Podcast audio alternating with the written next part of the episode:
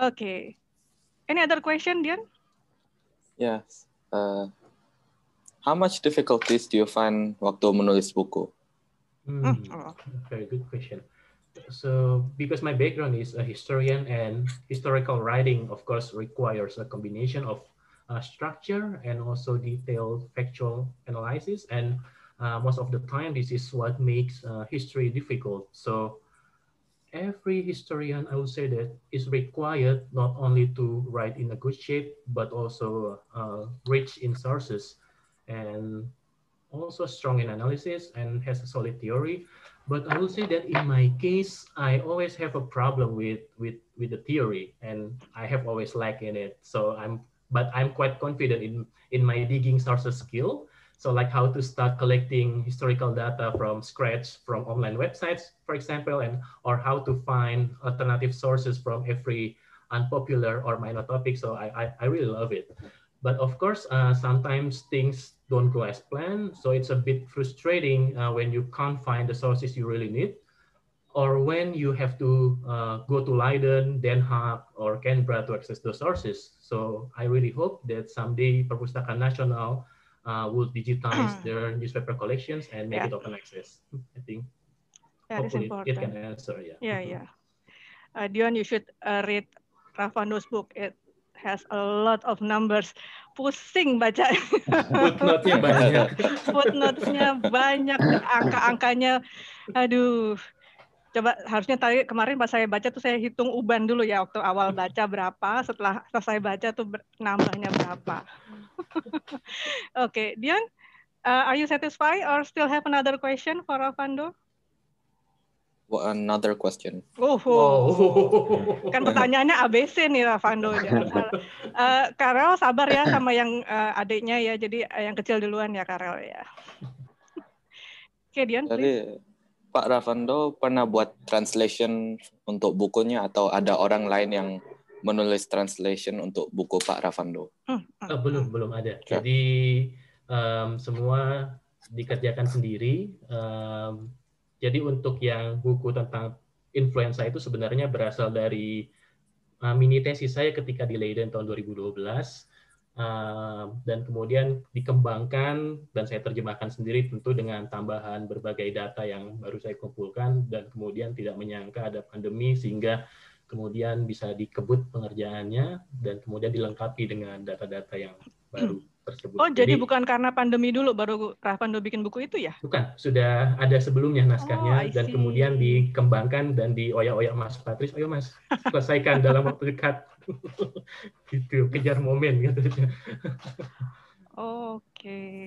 Saya pikir udah apa karena ini terus diseriusin jadi bikin buku gitu. Emang saya tahu sih dari mini tesisnya, cuman saya pikir uh, ya apa mini, mulai mini pandemi dulu iya. baru mini tesisnya sih cuma cuma sekelumit jadi belum belum belum dalam jadi kemudian dilengkapi lagi dengan tambahan banyak data baru dari surat kabar dan hasilnya seperti yang sekarang ini jadi uh, mohon maaf juga kalau misalkan masih banyak bolongnya karena enam bulan ya mbak jadi ngebut mengerjakannya gitu Dion gimana do you have any question other question Yeah. Uh, last question. Last question. Oke. Okay. Puas-puasin nih hmm. dari Malaysia oh. nanya ke Australia. so, any tips would you would give for like uh, any aspiring writer? Any aspiring like writers? Like you mean my inspiration or? Like what tips will you give? Because like uh, because okay. like I'm 15, I'm 15, but like I'm trying to improve my writing a bit. Yeah. Uh-huh. So I think like the more you read, the more you will understand like the pattern ah. of every authors that you uh, aspire. And then um, I think um, sepertinya sih itu sih Mbak yang paling yang paling penting. Jadi semakin banyak membaca, terutama dari tokoh-tokoh atau dari penulis hmm. yang Dion mungkin sangat kagumi, mungkin akan kelihatan patternnya seperti apa dan insight-nya seperti apa yang kemudian bisa menginspirasi. Lalu kemudian uh, selain itu juga just follow like what you what is your passion. Jadi seperti saya, uh, saya senang dengan sejarah, saya senang dengan buku-buku sejarah, dan kemudian uh, dari situ kemudian saya berusaha untuk develop lebih jauh dan hanya mengikuti kira-kira apa yang bisa di bisa dikembangkan lagi dan kemudian apa yang kemudian bisa saya masuk yang masih belum bisa dikaji orang atau masih masih uh, masih miss gitu. Hmm. Dan saya pikir itu bisa jadi kunci untuk bisa uh, untuk ke depannya mungkin kamu bisa menulis sesuai dengan apa yang kamu mau gitu. Hmm. So hopefully oh. it can answer like a bit, yeah. Yes. yes. Uh... Terima kasih banyak Pak. Terima kasih Dion. Thank you for your question Dion. Thank you. Aduh, puas nih kayaknya Dion nih nanyanya benar-benar dari A sampai Z ditanyain. Udah selesai ujian nih. Oke. Okay. Anda udah udah selesai ujian ya berarti dari Dion ya. Oke. okay. Carol sudah siap? Nah, ini ya. adalah mahasiswa UPN, veteran Jakarta jurusan Ilmu Komunikasi. Silakan. Sebenarnya kayak udah banyak pertanyaan yang diajuin Dion, nah makanya aku nanya di sini. Udah ambil semua. Uh, mau tanya buat Mas Rivando yang katanya awalnya suka komik, kenapa bisa jadi sejarawan? Mhm. Komiknya juga komik sejarah, jangan-jangan. Kalau komik sih uh, seperti seperti kebanyakan anak-anak seumuran saya pada umumnya, saya banyak baca Doraemon dan kemudian salah satu yang menjadi inspirasi saya itu komiknya Tatang S yang Garing dan Petruk itu saya senang sekali itu uh, bacanya. Jadi saya selalu kalau misalkan diajak pergi mama, saya selalu minta ke toko buku bekas untuk untuk beli komik-komik itu biasanya. Dan setiap kali misalkan ke rumah saudara, itu biasanya juga karena saudara punya koleksi buku, kalau nggak salah Widya Wiyata atau apa yang yang mengapa begini, mengapa begitu itu jadi ensiklopedi yang yang full color dan uh, karena saya keluarga saya nggak sanggup beli jadi setiap kali misalkan saya ke sana itu selalu saya baca berulang kali gitu.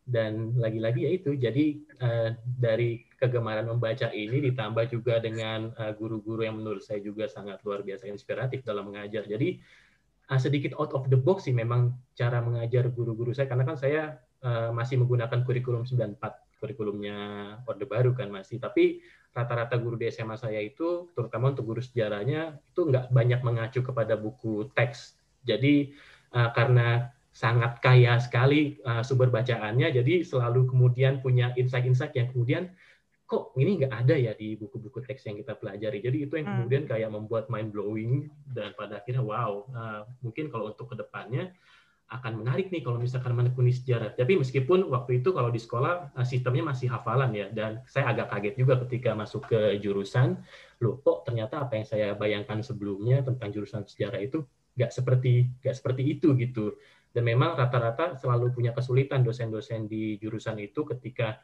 anak-anak SMA masuk dan ketika mereka uh, menekuni kuliah di semester awal itu rata-rata memang pada kaget karena yang sebelumnya mungkin sistemnya lebih kehafalan ini harus dituntut untuk lebih analytical dan uh, itu cukup uh, membuat banyak mahasiswa baru itu kaget sekali dan dosen-dosennya juga cukup keteteran juga sih katanya untuk bisa mengubah mindset ini seperti itu mungkin itu yang kamu uh, kita bicara soal waktu masih di kuliah di UGM kan ya mm -hmm. ini ya. Mm -hmm. Oke. Okay.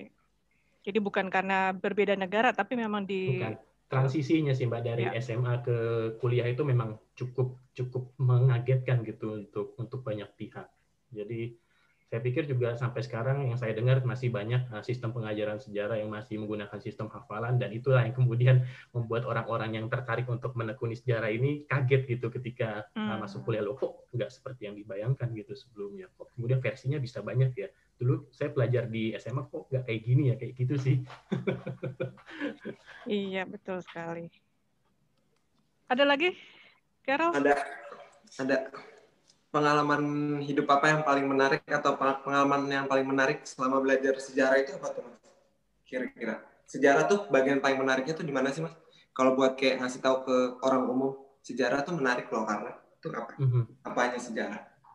Um, kalau saya pribadi sih saya selalu sangat senang ketika proses awal mengumpulkan data itu. Jadi ketika kemudian mengumpulkan data, terutama dari sumber-sumber primer, itu kita akan kayak semacam terbuai gitu loh.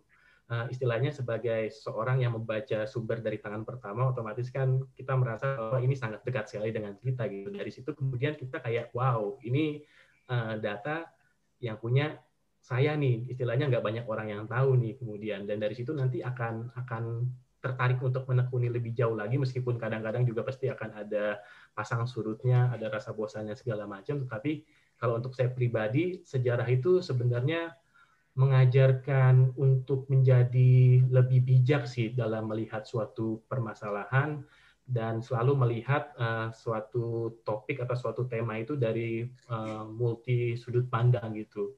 Jadi uh, ada banyak sekali misalkan peristiwa-peristiwa yang mungkin uh, selama ini uh, terutama kalau misalkan kita dengar di bangku sekolah itu uh, cuma dari satu perspektif aja tetapi ketika kemudian banyak membaca, terutama kemudian ketika dalam kasus saya ya di jurusan sejarah dituntut untuk kemudian uh, berpikir dari perspektif yang berbeda gitu. Di situ kemudian uh, dapat banyak info-info yang baru yang mungkin selama ini tidak pernah tidak pernah kita dengar gitu. Dan itu menurut saya salah satu kekuatan juga sumber sih menurut saya itu salah satu proses yang paling menarik di dalam uh, menulis suatu sejarah jadi mengumpulkannya dan bagaimana menganalisisnya. Oke.